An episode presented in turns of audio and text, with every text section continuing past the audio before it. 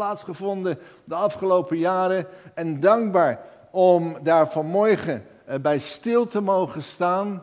Om eh, deze ochtend ook te markeren als iets wat God heeft gedaan, iets bijzonders wat Hij heeft gedaan. En over dat markeren wil ik, wil ik een paar woorden spreken met u. En ik wil het ook hebben over hoe de gemeente is gegroeid naar vriendschap met God. En hoe de genade van God zich heeft bewogen door de tijd heen.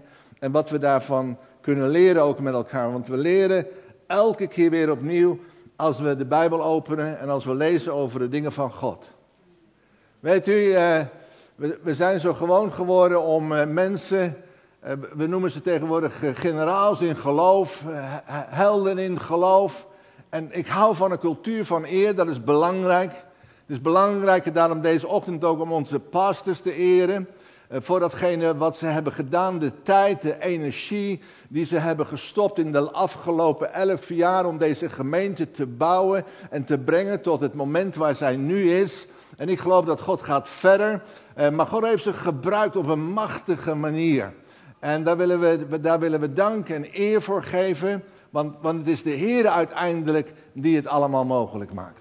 Hij is degene die kracht geeft, die gezondheid geeft. We worden niet geregeerd door angst, maar we worden geregeerd door geloof in Jezus Christus, onze redder en schepper. En dat willen we markeren vanmorgen. En er is een ander belangrijk markeringsmoment in de Bijbel die ik daarbij in herinnering wil roepen. Net zoals dat, eh, dat Jozua toen hij door de Jordaan, door de droge Jordaan die God droog had gelegd, zodat het volk zich naar het beloofde land kon bewegen, daardoor heen kon trekken, heeft eh, Jozua twaalf stenen genomen uit de droge rivier en heeft daar een gedenksteen van gemaakt, een markeringsmoment voor wat God heeft gedaan om hen te brengen uiteindelijk naar het beloofde land.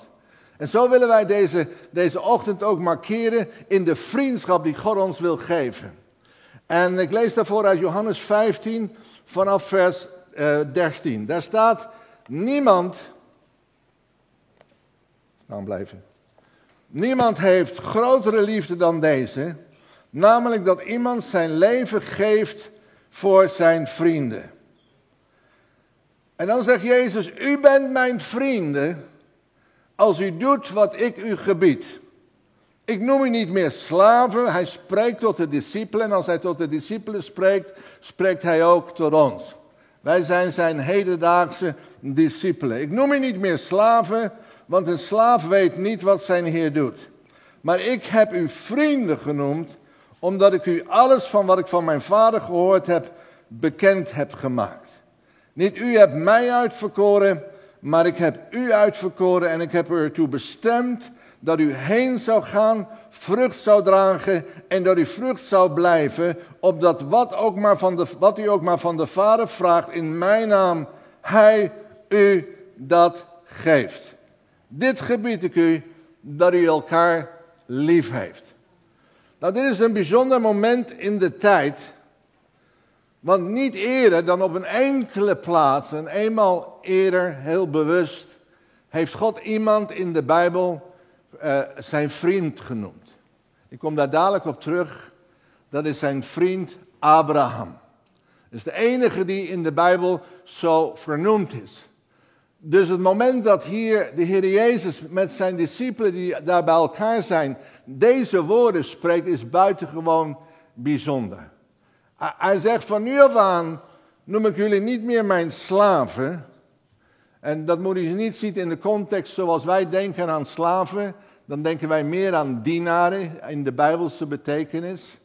Maar ik noem u niet meer mijn slaven, maar ik noem u mijn vrienden. Alhoewel, wij hebben onszelf als slaaf verkocht aan Jezus.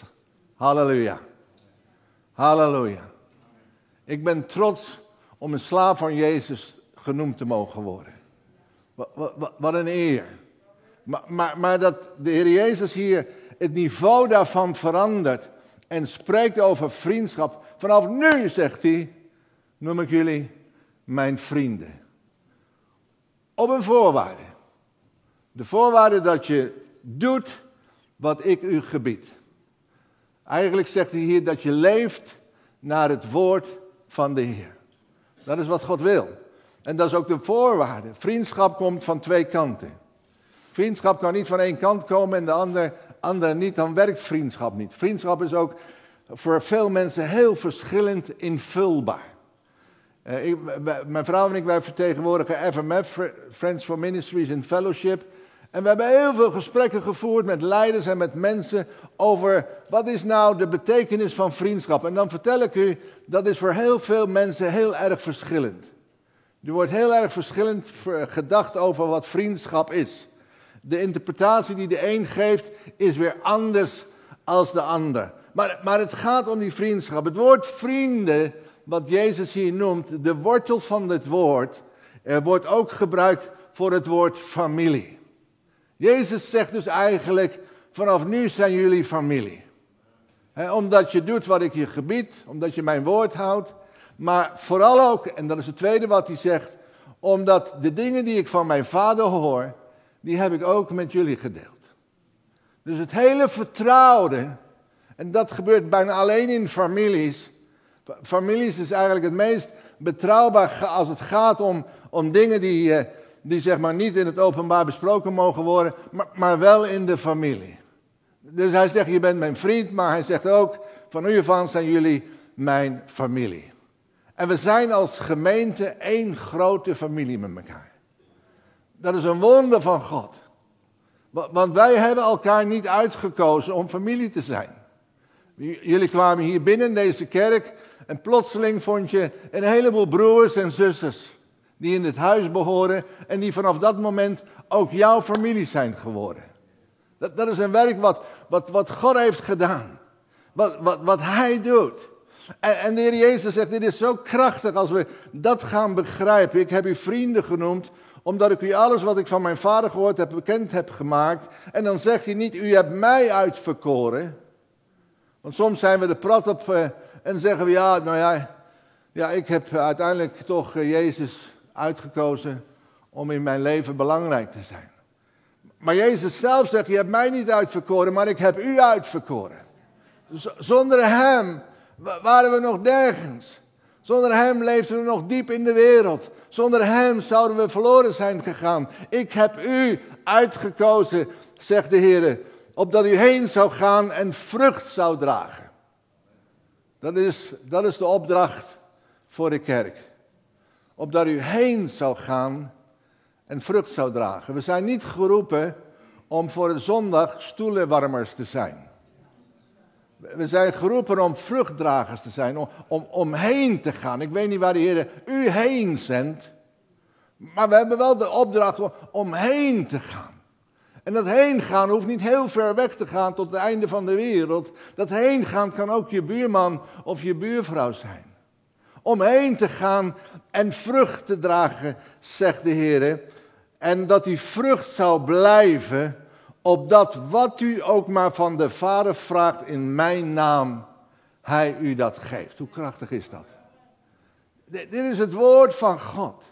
Opdat u, wat u ook maar van de Vader vraagt in mijn naam, hij u dat geeft.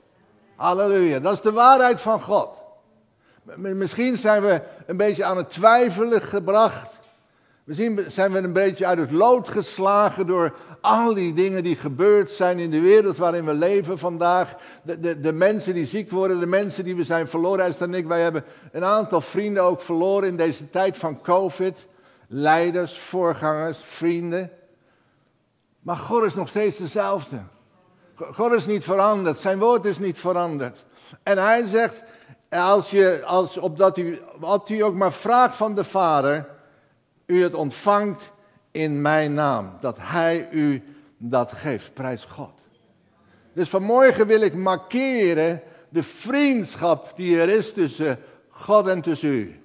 Tussen Jezus en tussen u. Het is een mooi moment na elf jaar om dat vast te stellen, dat besluit te nemen. En we hebben het gezongen in het eerste lied wat we vanmorgen hebben gezongen. Dat we zijn een vriend van Jezus. We zijn een vriend van Jezus, maar het komt wel van twee kanten. Jezus zegt, je bent mijn vriend als je doet wat ik je zeg. Als je mijn woord navolgt, als je daarmee aan het werk gaat, dan ben ik jouw vriend. En hoe mooi is het om een vriend te hebben als Jezus. U bent mijn vrienden als u doet wat ik u gebied. Nou, ik wil komen bij die, die, ene andere in de Bijbel die vriend wordt genoemd. Dat is uh, Abraham. Abraham, die geloofde God, zegt Jacobus 2, vers 24. Abraham geloofde God en het is hem tot gerechtigheid gerekend en hij werd een vriend van God genoemd. Dat, dat, is opmerkelijk dat dat opgetekend in de Bijbel. Hij werd een vriend van God genoemd. Het is de enige in de Bijbel waar dat wordt over gezegd. Er is Mozes, daarvan wordt gezegd dat God dan een omgang met hem als, als geen ander.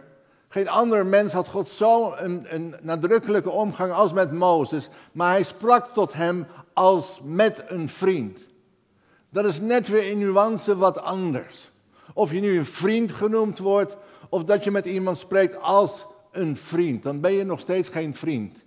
En als Mozes dan ook komt te sterven, dan lezen we dat de Heer tegen Jozua zegt, mijn dienstknecht, mijn dienaar Mozes is gestorven.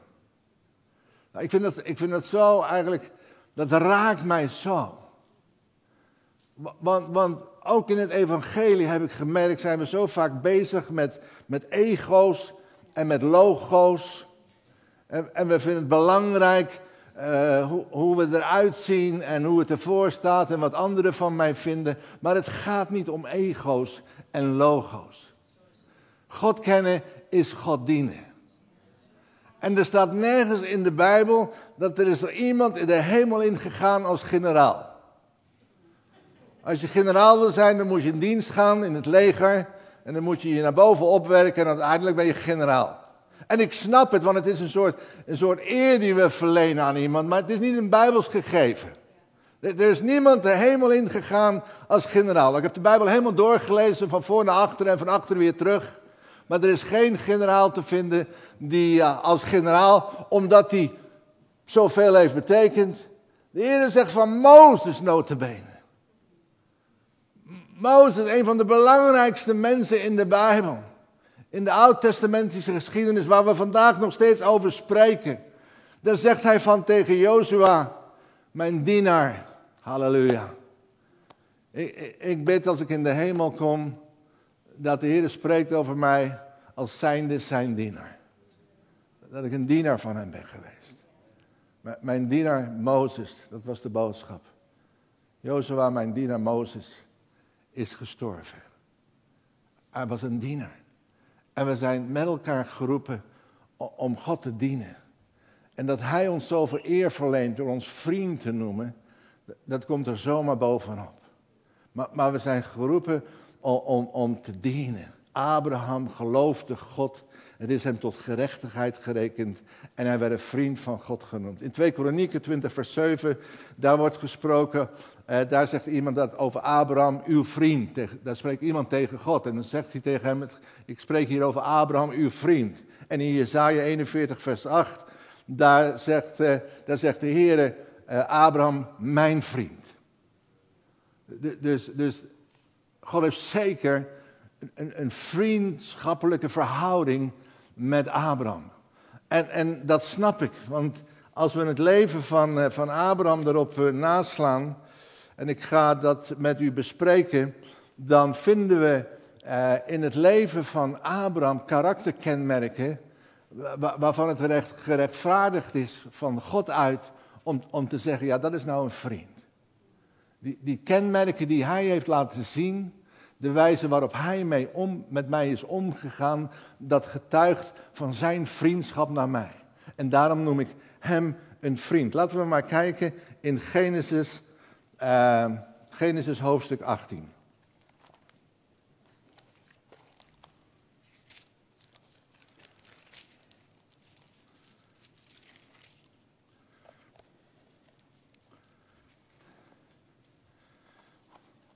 Ik heb een nieuwe bril met een leesgedeelte onderin. Dus daar moet ik nog even aan wennen.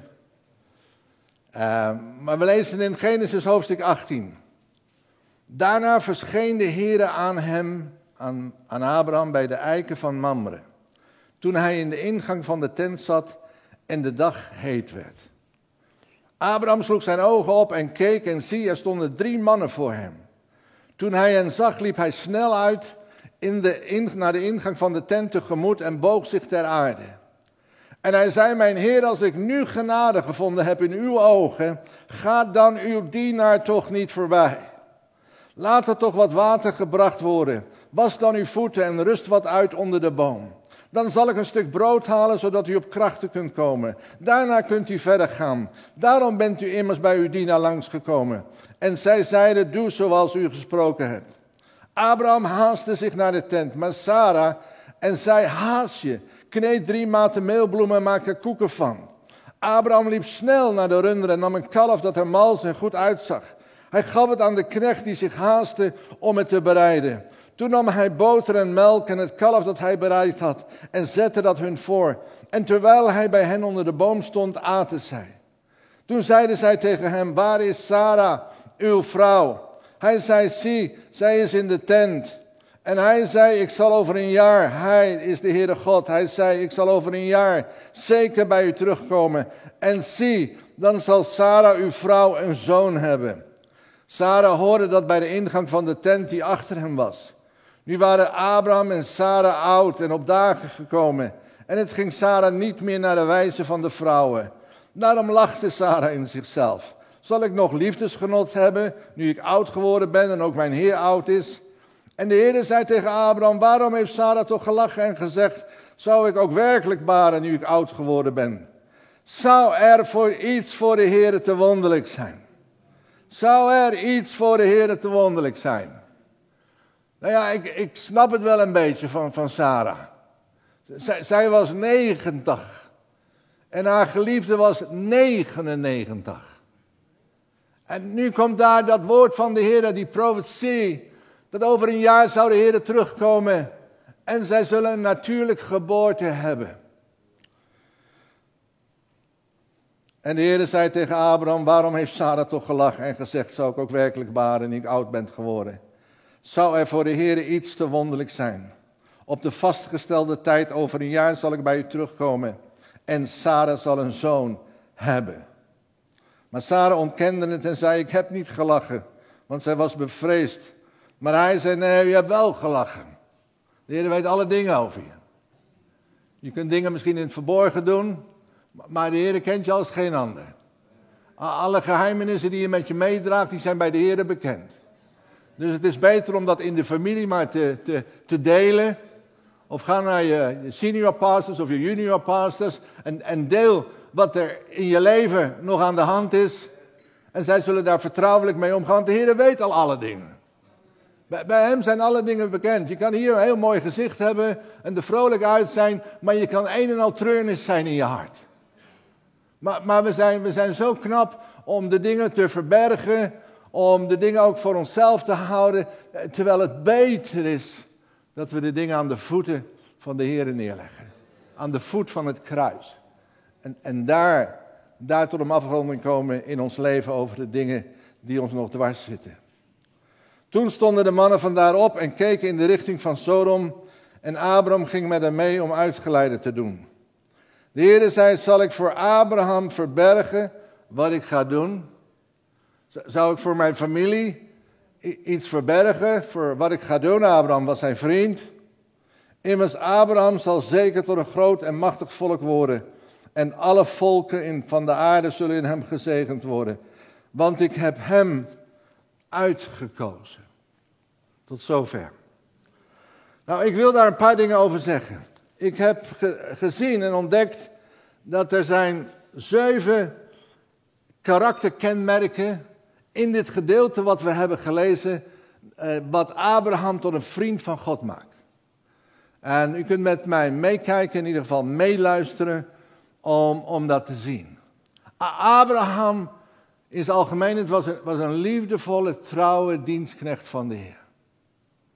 En, en dat zijn eigenschappen, uh, waarvan ik ook zelf vind, die buitengewoon belangrijk zijn de, de, de, eigenschappen trouw en liefde zijn voor mij ook de, de krachtbron geweest in mijn eigen leven de afgelopen 50 jaar dat ik de Heer ken. Waardoor ik heb kunnen functioneren. Liefde en trouw. Ik kom nog wel eens jonge leiders tegen En die vragen mij dan, wetende dat ik al een lange weg daarin gelopen heb. Wat zijn nou voor u, wat is nou in de Bijbel voor u of voor uzelf het meest belangrijke? En dan noem ik altijd liefde en trouw. En dat is wat ik ook wil overdragen aan die nieuwe generatie. Dat trouw en liefde. is ook dat wat de Bijbel daarover zegt. De, de, Bijbel zegt dat uh, liefde en trouw u niet verlaten. Uh, en de HSV spreekt over goede tierenheid. En dan zegt hij, bind ze om je hals, draag het als een sieraad in je leven. Dat liefde en trouw in jou gezien wordt. Liefde voor God, liefde voor de mensen, liefde voor je omgeving, liefde voor je geliefde. Maar, maar ook trouw aan God. Trouw zijn in de dingen van God. Niet, niet, niet, niet, niet, je, eigen, niet je eigen schema of plan kiezen, maar, maar de weg gaan die God voor jou heeft en daar, daar trouw in te zijn. En ik beloof je, als deze kenmerken liefde en trouw in je leven zichtbaar zijn, dan, dan zul je een succesvol christen zijn.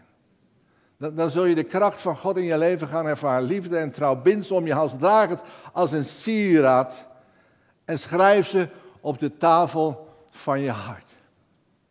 Elke morgen schrijf het op op de tafel van je hart en zeg, Heer, laat deze dag weer een dag zijn waarin ik liefdevol en trouw mag zijn aan u. En trouw mag zijn aan mijn gezin. Trouw mag zijn aan mijn familie. Trouw mag zijn aan mijn kinderen. Trouw mag zijn aan mijn ouders. Trouw mag zijn in elke situatie. Trouw op mijn werk. Dat ik niet rotzooi op mijn werk, de kantjes ervan afloop, maar dat ik de beste probeer te zijn die er kan zijn. Want ik wil, ik wil trouw betonen. En, ik wil u daarin eren. Weet, weet u hoe belangrijk het is om, om ook in je werk gewoon heel goed te zijn? Dat, dat anderen zullen dat zien en herkennen en daar vragen over gaan stellen. Waar, waar, komt jouw ijver? Uh, waar komt dat vandaan? En dan heb je zomaar weer een gelegenheid om te getuigen van de liefde van God. Nou, nou, nou zeven kenmerken die ik even wil noemen. En zolang die foodtruck er nog niet is, kunnen we daar even verder gaan. En, en dat, dat zijn de kenmerken. Een vriend van God is in voortdurende aanbidding. En al deze dingen hebben we net gelezen.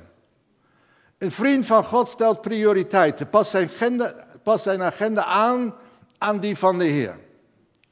Een vriend van God is ijverig in het dienen van God. Een vriend van God is gastvrij en ruimhartig. Een vriend van God bouwt geloof in anderen. Een vriend van God is door God gekend en groeit in het kennen van zijn wil. En een vriend van God is een voorbidder. Nou, al deze dingen hebben we net met elkaar gelezen. En ik ga een beetje met u ze ontcijferen. Als de Heere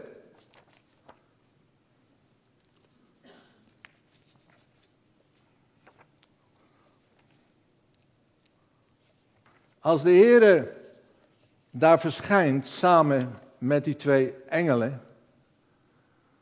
Want Abraham herkent hem. Abraham zit daar bij de ingang van zijn tent. Het is warm, dus hij zoekt een beetje de buitenlucht op. In de tent is het nog warmer. En dan plotseling, als hij zijn ogen opslaat, dan ziet hij daar drie mannen verschijnen. En hij herkent direct de middelste. Dat is degene die hij al eerder heeft ontmoet. Waar hij al eerder mee gesproken heeft. En de andere twee, dat zijn twee engelen. Uh, en hoe ze heten, dat weten we niet precies. Maar misschien heten ze goedheid en genade, want de Bijbel zegt goedheid en genade zullen mij volgen al de dagen van mijn leven. Uh, die zijn ook mijn engelen. De twee ken ik ervan in mijn leven, goedheid en genade, want die volgen mij al de dagen van mijn leven. En daar, daar, daar is dan die verschijning. En, en, en wat doet dan Abraham? De, Bijbel zegt, hij, boog zich ter aarde, hij gaat erheen, buigt zich ter aarde. Het eerste wat hij doet bij, bij de verschijning van God, het eerste wat hij doet in de tegenwoordigheid van de Heer. Hij buigt zich ter aarde. Dat betekent dat hij wellicht langheid op zijn aangezicht daar is gaan liggen. En dan aanbidt hij God. Dat staat niet in de herziene statenvertaling, maar dat staat wel in de oude statenvertaling en in verschillende andere vertalingen. Hij, hij, hij werpt zich ter aarde en hij aanbidt God. Halleluja. Halleluja. Want dat is, dat is wat er gebeurt als je komt in de tegenwoordigheid van God. Dat, dat is eigenlijk precies dezelfde waarom wij kerk zijn. Want wij komen hier voor die ontmoeting met Hem. God is hier. Daar hoef je niet aan te twijfelen. De Heer Jezus zegt, waar twee of drie samen zijn in mijn naam, daar ben ik in het midden. We zouden eigenlijk onmiddellijk allemaal lang uit op ons gezicht moeten gaan. Hij is hier. Ik maak daar een grapje over, in wezen is het zo. Het begint met aanbidding. Aanbidding als erkenning van de tegenwoordigheid van God.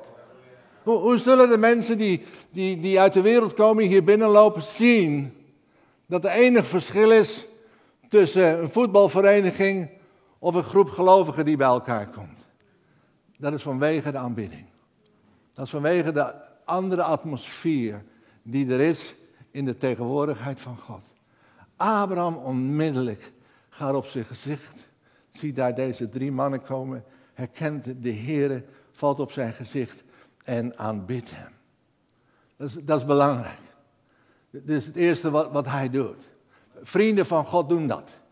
Vrienden van God schamen zich daar niet voor, die zijn daar niet verlegen mee. Die, die doen gewoon impulsief wat ze in hun hart voelen en die aanbidden God. Die beginnen Jezus te roepen, uh, die gaan van alle dingen doen. Uh, het is niet zoals wij denken dat de kerk er altijd uitziet zoals hij er zou moeten uitzien. Als de kracht van God valt, en de tijd heeft dat bewezen, de geschiedenis van opwekkingen, dan, dan zitten we niet meer keurig in onze stoeltjes met de armen over elkaar. Maar, maar dan zijn we in volledige aanbidding. En, hoe we dan ook reageren voor anderen, lijkt dat misschien er heel gek uit te zien. Maar, maar het is datgene wat de Heilige Geest in ons werkt. En daar hoeven we niet verlegen over te zijn. Dus, dus laten we gewoon full power, in vol geloof, een vriend van God zijn en zeggen: Heer, als u hier bent, oh, dan ben ik de eerste hier om u te aanbidden. Ik weet nog dat Esther en ik, wij, vroeger gingen wij naar, naar Den Haag, daar werd Esther gevraagd om te zingen en ik daar om te spreken. En uh, dat was bij, uh, bij een, een, een, samenkomst waar heel veel verslaafden waren. Of ex-verslaafden moet ik eigenlijk zeggen. En, en, wij komen dan al een uur van tevoren, uh, komen we dan in die samenkomst om het geluidsapparatuur op te stellen en dingen, voorbereidingen te treffen. Maar, maar toen we daar binnenkwamen, kon ik mijn ogen niet geloven. Er lag een hele batterij met ex-drugsverslaafden lang uit op hun gezicht. Om de Heer te aanbidden. Die, die, hadden die zang van Esther helemaal niet nodig, of die boodschap van mij. Want, want, want, want dit, is, dit is waar het om gaat. Het hart in aanbidding. Nou, het tweede is dat een vriend van God stelt zijn prioriteit en past zijn agenda aan aan die van de Heer.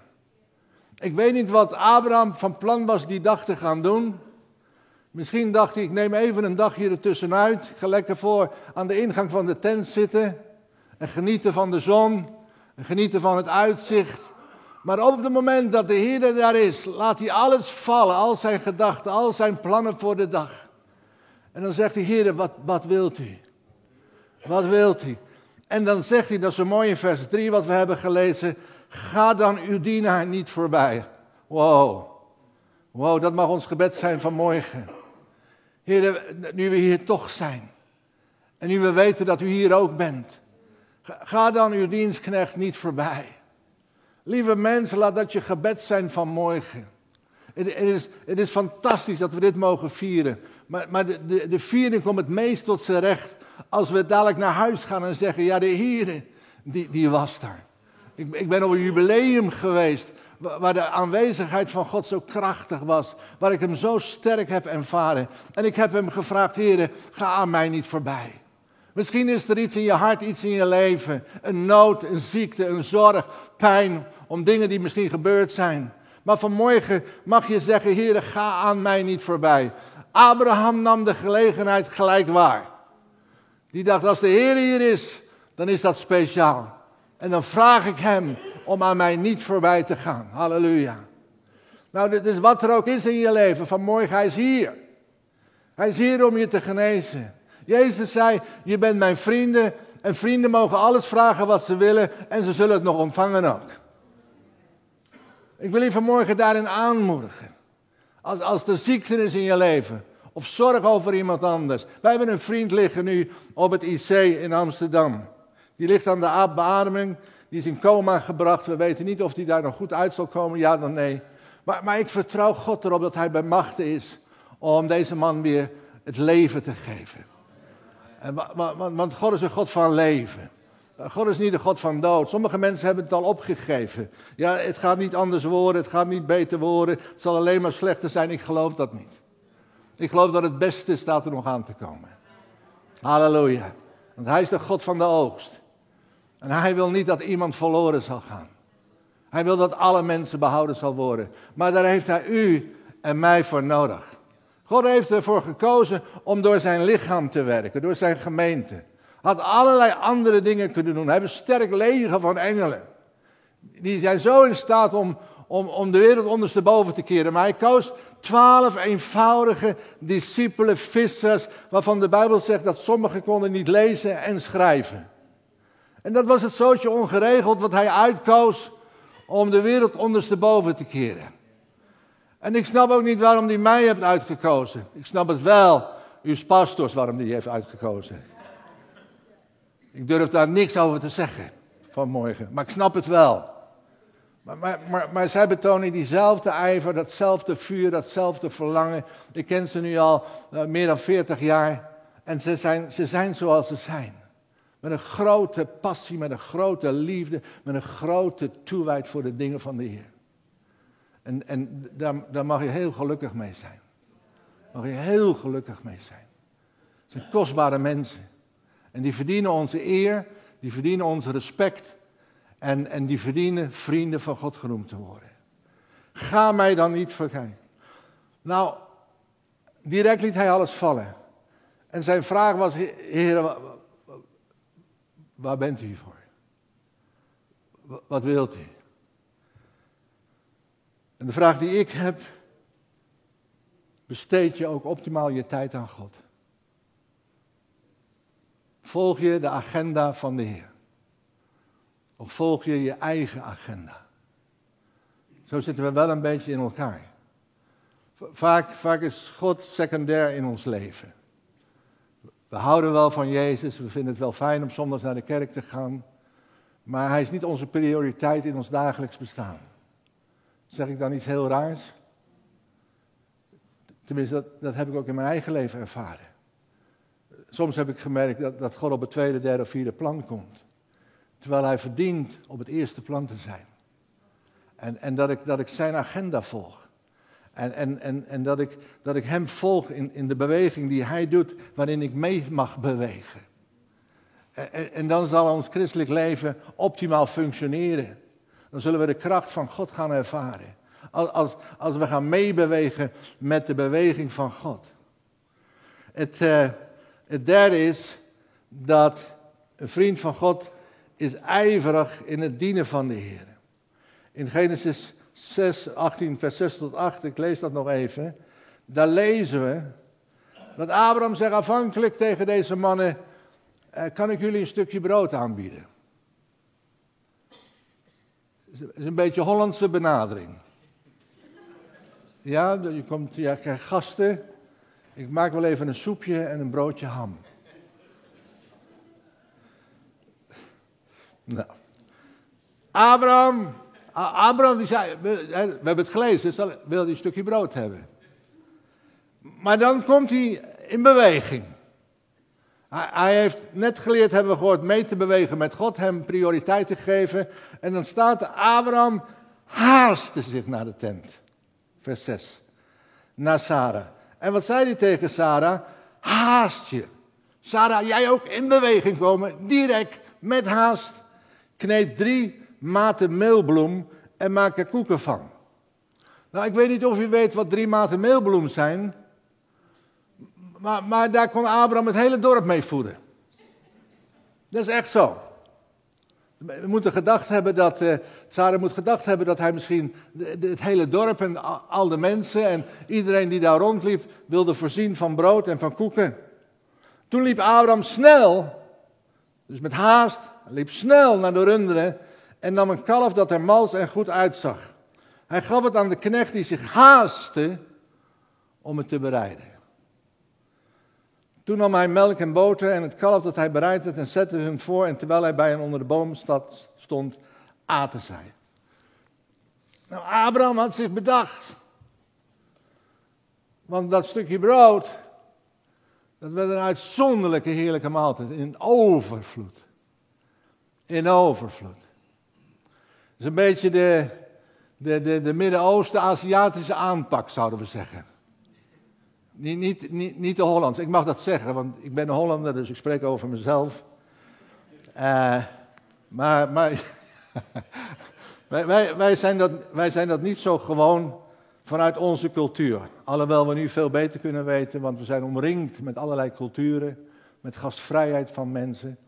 Ik weet dat Esther en ik, wij waren in Maleisië. Esther nam een tv-special op uh, over haar leven in Indonesië. En uiteindelijk waren er opnamen in Maleisië. En we waren daar in een dorpje waar Esther had gezongen en uh, waar de tv-opnamen waren gemaakt. En daarna wilden we vertrekken met de hele crew, met de cameraman, met de geluidsmensen. Iedereen die erbij was, in de bus stappen en wegrijden. En vlak voordat we weg wilden rijden, vlogen er een stuk vijf, zes mensen op de, op de kap van de auto. En wilden ons niet laten gaan. En ik dacht, krantenkop in Nederland, we zijn gegijzeld. en, en we vroegen, wat is er aan de hand? En ze zeiden, ja, u kunt dit dorp niet uit zonder met ons de maaltijd te hebben gebruikt. Mensen die we niet kenden, waar we nog nooit van gehoord hadden, die we nog nooit eerder gezien hadden, die ons nog nooit eerder hadden gezien. U kunt niet dit dorp uit zonder met ons de maaltijd te hebben gebruikt. En, en we kwamen naar binnen en, en nou, dat was een maaltijd à la Abraham. Ik, ik weet niet hoeveel gerechten en heerlijkheden en hapjes en dingen die er waren. Maar ik ben blij dat we daar even tijd voor konden maken. Om te genieten. Maar, maar, maar dat, is, dat is enerzijds de cultuur, maar anderzijds is dat ook het hart. Want de, de Bijbel spreekt heel veel over gastvrijheid. De Bijbel spreekt heel veel over onze vriendelijkheid naar andere mensen toe. In Romeinen 12, vers 11, om terug te komen bij, bij die haast en die snelheid en, en die ijverigheid in het dienen van God. Romeinen 12, vers 11 zegt: Wees niet traag wat uw inzet betreft. Wees vurig van geest en dien de Heer. Halleluja. Zijn we nog vurig van geest? Amen. Wees niet traag. Dus er mag best wel een tandje bij. Ja, als er wat wordt gevraagd om te doen, ja, dat doe ik straks wel. Of uh, moet even in mijn agenda kijken thuis, maar ik kom daarop terug. Nee, de Bijbel zegt, wees ijverig. Wees niet traag wat uw inzet betreft. Wees vurig van geest. Dien de Heer. Halleluja. Dien de Heer. Als je de Heer lief hebt, dien hem dan ook. 1 Corinthians 15, vers 58. Daarom, mijn geliefde, wees standvastig, onwankelbaar, altijd overvloedig in het werk van de Heer. Niet, niet, niet een klein beetje, maar overvloedig. Nou, nou vragen ze weer wat aan mij om te doen. En ik ben al elke zondag bezig. De Bijbel zegt, wees overvloedig in het werk van de Heer. In de wetenschap, vervolgt Paulus, dat uw inspanning, het vraagt inspanning. Eh, Paulus die wint daar geen doekjes omheen. Die, die zegt niet, nou dat is niks. Ik, ik, zit in allerlei, ik zit in allerlei comité's en besturen. En meestal vraag ik, ja, wat gaat, wat gaat me dat kosten? Hoe, hoeveel tijd ben ik daar aan kwijt? Nou, haast helemaal niet. De praktijk is dat het heel veel tegenvalt. Het vraagt vaak heel veel inspanning. Dat uw inspanning niet te vergeefs is in de Heer. Halleluja. We worden daar zo toe aangemoedigd om haast te hebben, snelheid, inspanning, in de ontspanning van het werk van de Heilige Geest in ons. Want het is niet zo dat we nu alles kwijtraken of dat het ons alles kost. Integendeel, we krijgen daar zoveel meer voor terug. Dan kom met, breng mij bij die gastvrijheid. Een vriend van God is gastvrij en ramhartig. Abraham opent zijn huis. Abraham onmiddellijk opent zijn tent. Drie maten meelbloem, Van alles veel. Veel, veel, veel om het de gasten naar de zin te maken. Romeinen 12, vers 13 zegt daarover: Wees deelgenoot in de noden van de heiligen en leg u toe op de gastvrijheid. Dat is een opdracht. Leg u toe op de gastvrijheid. We, moeten geleerd worden ons toe te leggen op, op gastvrijheid. Daar heb ik al genoeg over gezegd. Abraham was een overvloedige gever. Dat staat in de Bijbel in Genesis 14, vers 18 en 19. Dan, dan zeg ik dat slot. En hij gaf hem van alles een tiende deel. Toen hij daar die ontmoeting had met Melchizedek, eh, waarvan we denken dat de Heer Jezus is geweest, dan zegt de Bijbel dat uiteindelijk Abraham gaf hem mee een tiende van alles wat hij bezat. En Abraham wordt genoemd een van de meest uh, mensen met, met het meeste welzijn dan alle mensen die op aarde wandelen. Maar hij gaf van alles zijn tiende. Nou willen wij onze tijd, onze gedachten, onze emoties, maar ook ons geld aan de Heer toevertrouwen. Tijd, emoties, gedachten, daar kunnen we ons nog wel in vinden. Maar geld is soms wel een issue. Hier niet, maar op sommige andere plaatsen wel. Als, als het woord geld valt, dan haken ze wel af. Mensen zeggen, ja, er wordt zoveel over geld gesproken. Nou, ik heb het wel gezien, soms anderhalve minuut. Maar als je al met geknepen billen zit, dan is anderhalve minuut heel veel. Als je denkt, oh, het thema geld, ze gaan nu hebben over mijn geld. Nou, het is jouw geld niet. Het is het geld wat de Heer aan jou heeft toevertrouwd. De Bijbel zegt dat uiteindelijk hebben we alles van Hem ontvangen en geven we een beetje terug. En sommigen een heel klein beetje van wat Hij ons heeft toevertrouwd.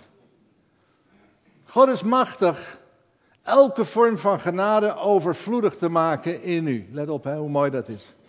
God is bij machten elke vorm van genade overvloedig te maken in u, zodat u, wanneer u in alles altijd al het nodige bezit, overvloedig kunt zijn in elk goed werk. Het is God die geeft, zodat u overvloedig kunt zijn in al het goede werk. Halleluja. Als, als, de maat waarmee je zaait, dat is dezelfde maat waarmee je zult oogsten. Zaai je weinig, oogst je weinig. Ik kom wel mensen tegen die zeggen, ik heb altijd geldproblemen. Ja, ja, geef je je tiende dan aan de, aan, aan de kerk. Geef je je offers, je liefdegaven. Nu, dat kan helemaal niet. Het kan altijd. Het kan altijd. Je kan een tiende van, van, van, van, van, van een euro geven, dat is een dubbeltje.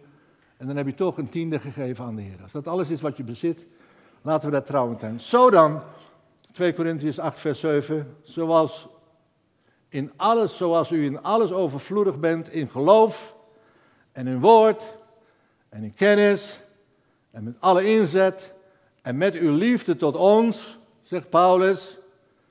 Dus hij onderkent dat de mensen geweldig zijn in geloof, in woord, in kennis, in inzet, in liefde. Wees ze ook in deze genadegaven, dan spreekt hij over vrijgevigheid, overvloedig. Halleluja. Dat belooft wat voor het offer deze morgen. De Heer zegt, als je, als je zo laat, laat, laat uitzien. Iemand van geloof, iemand van vertrouwen, iemand van liefde, iemand van kennis. Iemand die het beste voor heeft. Dan zegt Paulus, maar laat dan ook dit deel. Die ruimhartigheid. Die, die, dat, dat is een genadegave. Dat is wel zo.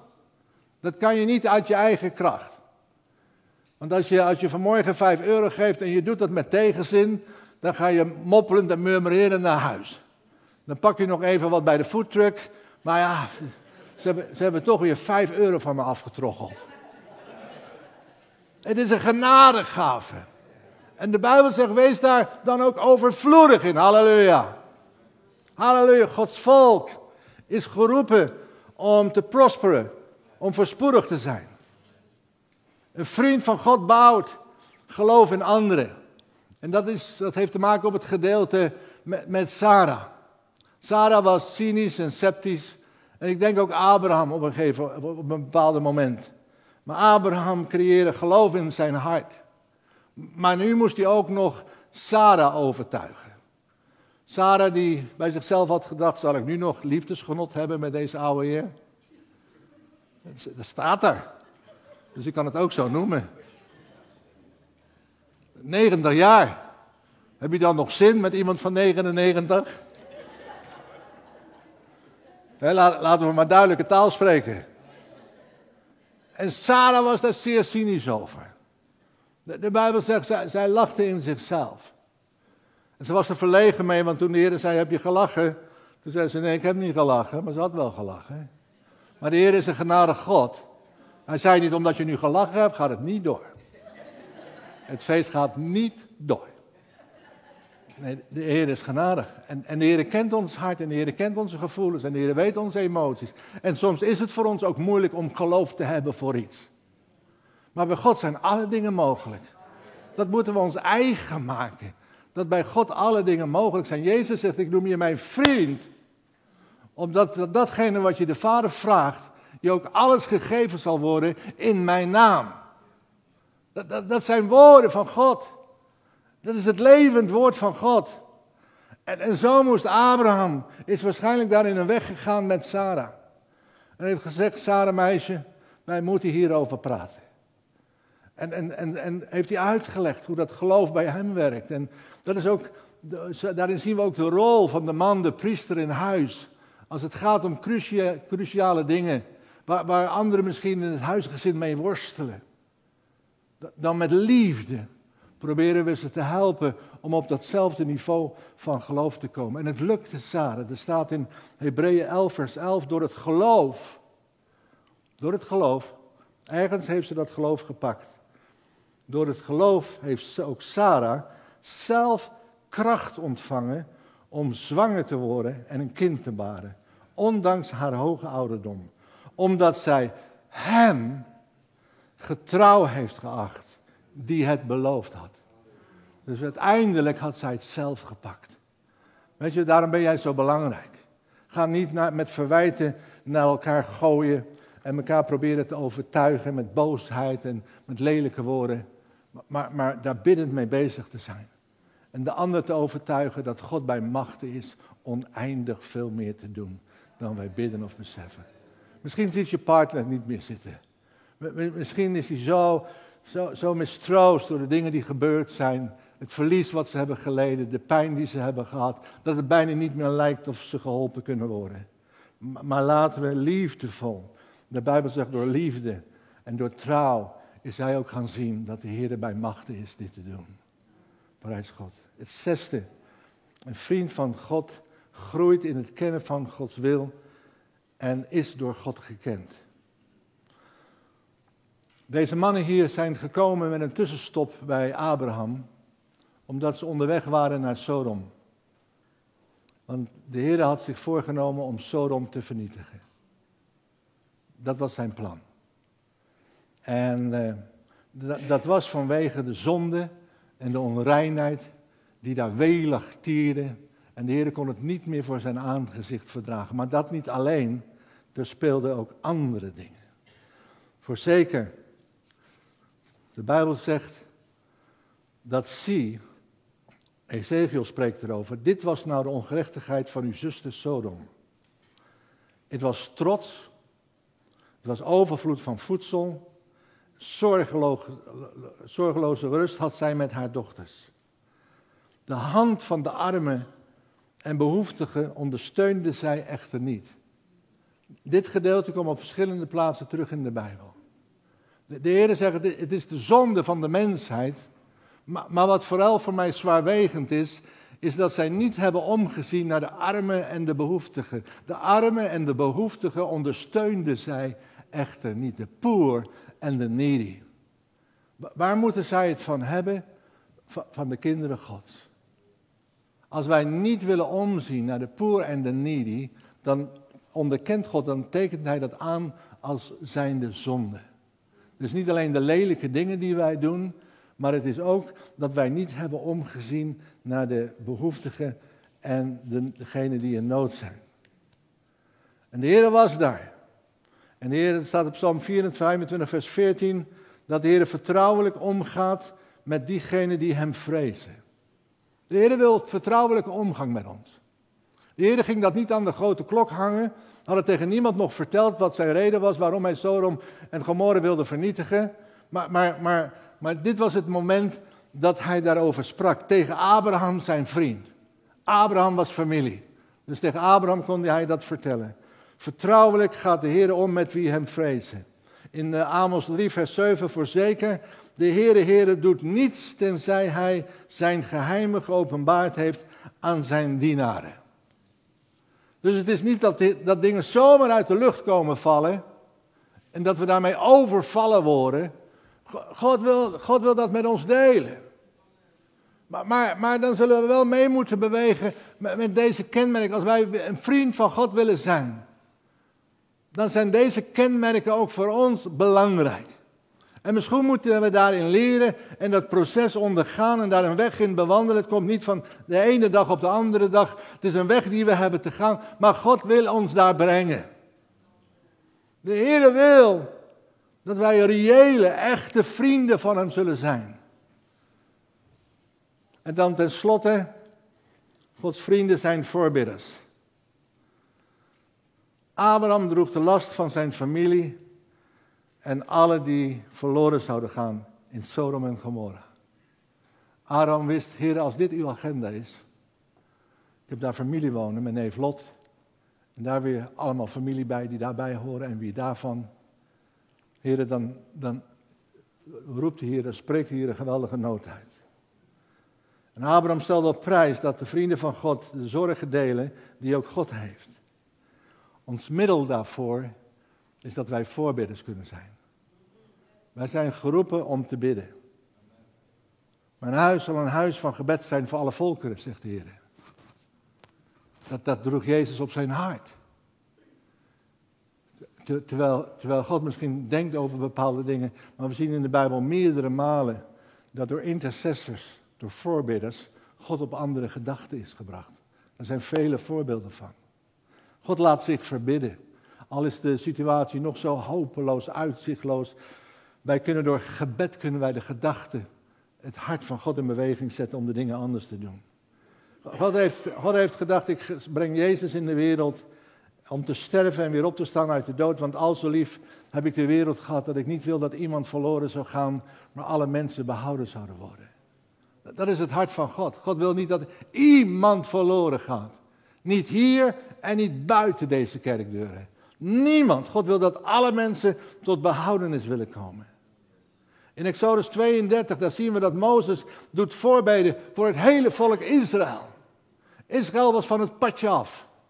Eh, en Mozes wist dat ze, dat ze een doodlopende weg bewandelden.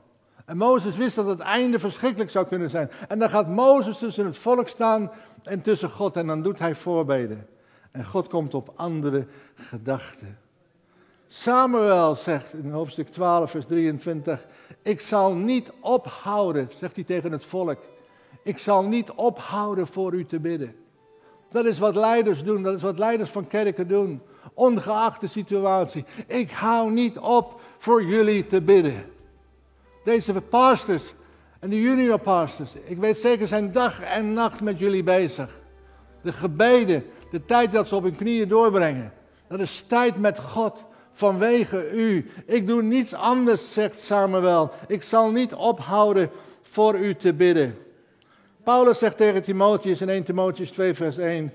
Ik roep er dan voor alles toe op dat smekingen, gebeden, voorbeden en dankzeggingen gedaan worden voor alle mensen. Halleluja. En zo ging Abraham voor God staan. En zei, Heer, wat nou als er één rechtvaardig is in Sodom? Wat nou als er honderd zijn of vijftig of, of slechts één? En de Heer zei, als er één rechtvaardig is, dan zal ik mijn gedachten daarin veranderen. Want God is een rechtvaardig God. God wil niet dat iemand verloren gaat. God wil niet dat iemand eh, deelgenoot wordt van iets waar ze geen deel van zijn. God gaat een weg met ons. En God wil een vriend van ons zijn. En daar wil ik vanmorgen, wil ik daar ook mee eindigen. Vriendschap met God. Een van de mooiste dingen die we kunnen bedenken.